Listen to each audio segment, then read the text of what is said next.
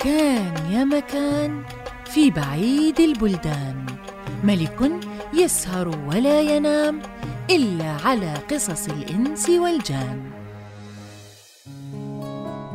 وبلغني أيضا أيها الملك السعيد أن عبد الله البري قد أصبح وزيرا للملك وذلك بفضل اتفاقه مع صديقه عبد الله البحري الذي ما زال يجتمع معه كل صباح قبل شروق الشمس.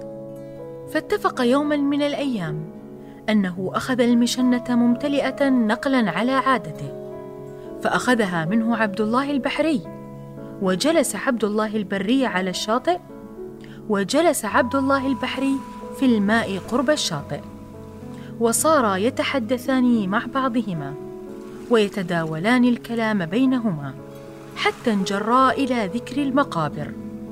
فقال البحري يا أخي إنهم يقولون إن النبي صلى الله عليه وسلم مدفون عندكم في البر فهل تعرف قبره؟ نعم. في أي مكان هو؟ في مدينة يقال لها مدينة طيبة. وهل تزوره الناس أهل البر؟ نعم. هنيئا لكم يا أهل البر بزيارة هذا النبي الكريم الرؤوف الرحيم. الذي من زاره استوجب شفاعته. وهل أنت زرته يا أخي؟ لا لأني كنت فقيرا ولا أجد ما أنفقه في الطريق. وما استغنيت إلا من حين عرفتك وتصدقت علي بهذا الخير. ولكن قد وجبت علي زيارته بعد أن أحج بيت الله الحرام. وما منعني من ذلك إلا محبتك. فإني لا أقدر أن أفارقك يوما واحدا. وهل تقدم محبتي على زيارة قبر سيدنا محمد صلى الله عليه وسلم الذي يشفع فيك يوم العرض على الله وينجيك من النار وتدخل الجنة بشفاعته؟ وهل من أجل حب الدنيا تترك زيارة قبر نبيك محمد صلى الله عليه وسلم؟ لا والله إن زيارته مقدمة عندي على كل شيء ولكن أريد منك إجازة أن أزوره في هذا العام. أعطيك الإجازة بزيارته. وإذا وقفت على قبره فأقرئه مني السلام. وعندي أمانة فادخل معي البحر حتى أخذك إلى مدينتي وأدخلك في بيتي وأضيفك وأعطيك أمانة لتضعها على قبر النبي صلى الله عليه وسلم. وقل له يا رسول الله إن عبد الله البحري يقرئك السلام وقد اهدى إليك هذه الهدية وهو يرجو منك الشفاعة من النار. يا أخي أنت خلقت من الماء ومسكنك الماء وهو لا يضرك. فهل إذا خرجت منه إلى البر يحصل لك ضرر؟ نعم. ينشف بدني وتهب علي نسمات البر فأموت. وأنا كذلك خلقت في البر ومسكن البر. فإذا دخلت البحر يدخل الماء في جوفي ويخنقني فأموت. لا تخف من ذلك فإنني آتيك بدهن تدهن به جسمك فلا يضرك الماء ولو كنت تقضي بقية عمرك وأنت دائر في البحر وتنام وتقوم في البحر ولا يضرك شيء. إذا كان الأمر كذلك لا بأس. هات لي الدهان حتى أجربه. وهو كذلك. ثم أخذ المشنة ونزل في البحر وغاب قليلا. ثم رجع ومعه شحم مثل شحم البقر. لونه أصفر كلون الذهب ورائحته زكية. فقال له عبد الله البري ما هذا يا أخي؟ شحم كبد صنف من أصناف السمك يقال له الدندان وهو أعظم أصناف السمك خلقة وهو أشد أعدائنا علينا.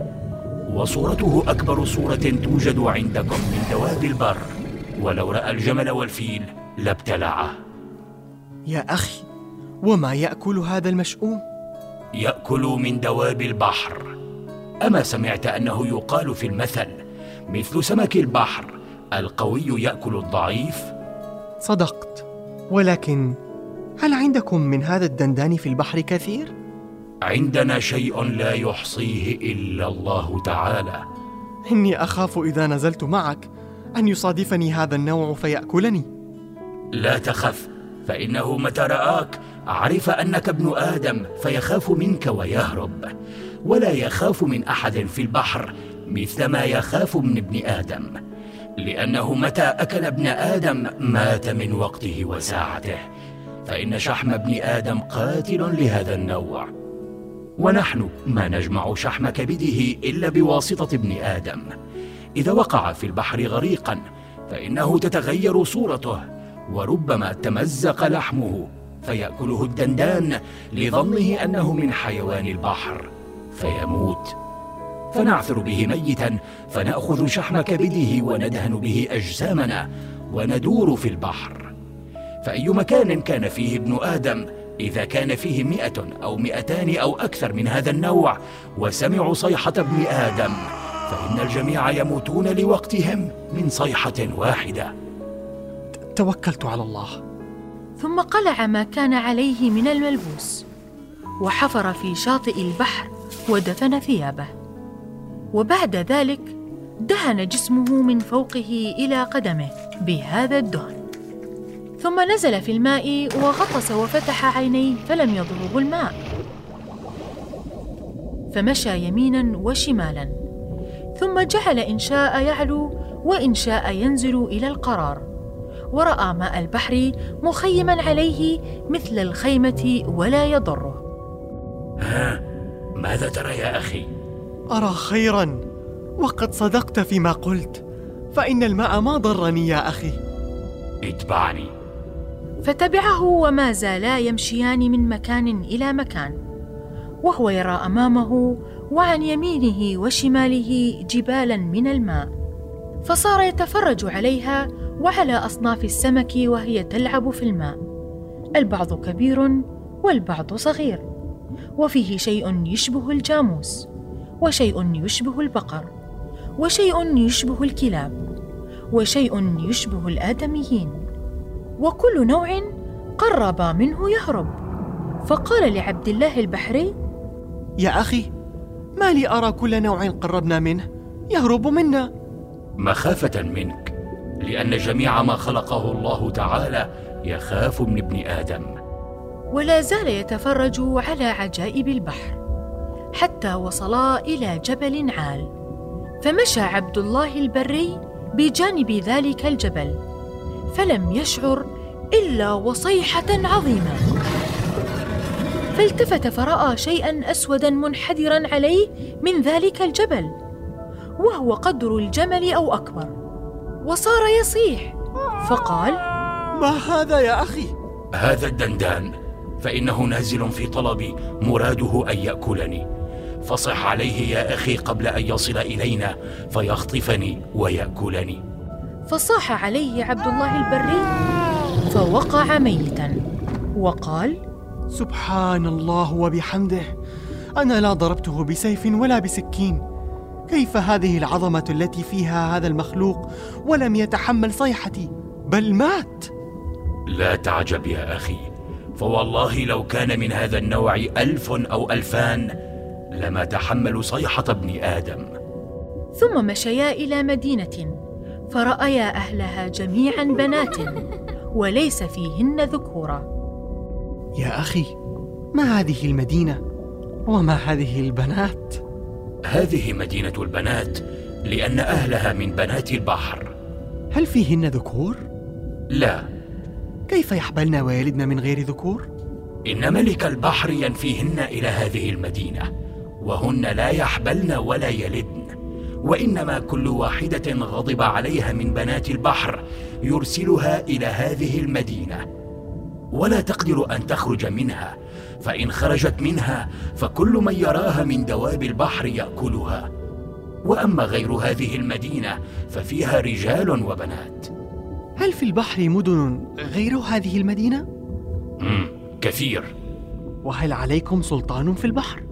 نعم يا أخي إني رأيت في البحر عجائب كثيرة وأي شيء رأيت من العجائب أما سمعت صاحب المثل يقول عجائب البحر أكثر من عجائب البر. صدقت. ثم إنه صار يتفرج على هذه البنات فرأى لهن وجوها مثل الأقمار وشعورا مثل شعور النساء ولكن لهن أياد وأرجل في بطونهن ولهن أذناب مثل أذناب السمك. ثم إنه فرجه على أهل تلك المدينة وخرج به ومشى قدامه إلى مدينة أخرى فرآها ممتلئة خلائق إناثا وذكورا صورهم مثل صور البنات ولهن أذناب ولكن ليس عندهم بيع ولا شراء مثل أهل البر وليسوا لابسين بل الكل عراة مكشوفو العورة. يا أخي إني أرى الإناث والذكور مكشوفي العورة. أهل البحر لا قماش عندهم. يا أخي وإذا تزوجوا؟ ألا يغارون؟ هم لا يتزوجون ولا غيرة عندهم. إن هذا شيء غريب وليس كعادتنا. ولأي شيء لا يخطبها ويمهرها ويقيم لها فرحا ويتزوجها بما يرضي الله ورسوله. ليس كلنا ملة واحدة. فإن فينا مسلمين موحدين وفينا نصارى ويهود وغير ذلك والذي يتزوج منا خصوص المسلمين أنتم عراة وما عندكم بيع ولا شراء فأي شيء يكون مهر نسائكم؟ وهل تعطوهن جواهر ومعادن؟ إن الجواهر أحجار ليس لها عندنا قيمة وإنما الذي يريد أن يتزوج يجعلون عليه شيئا معلوما من أصناف السمك فيصطاده قدر ألف أو ألفين أو أكثر أو أقل بحسب ما يحصل عليه الاتفاق بينه وبين والد الزوجة. فلما يحضر المطلوب يجتمع أهل العريس وأهل العروسة ويأكلون الوليمة ثم يدخلونه على زوجته. وبعد ذلك يصطاد من السمك ويطعمها. وإذا عجز تصطاد هي وتطعمه. أه؟ فتعجب عبد الله البري من ذلك ولم يقتنع به ولكنه سكت ولم يقل شيئا. ثم إن عبد الله البحري أخذه إلى مدينة أخرى وبعدها أخرى وهكذا. وما زال يفرجه حتى فرجه على ثمانين مدينة. وأدرك شهرزاد الصباح فسكتت عن الكلام المباح.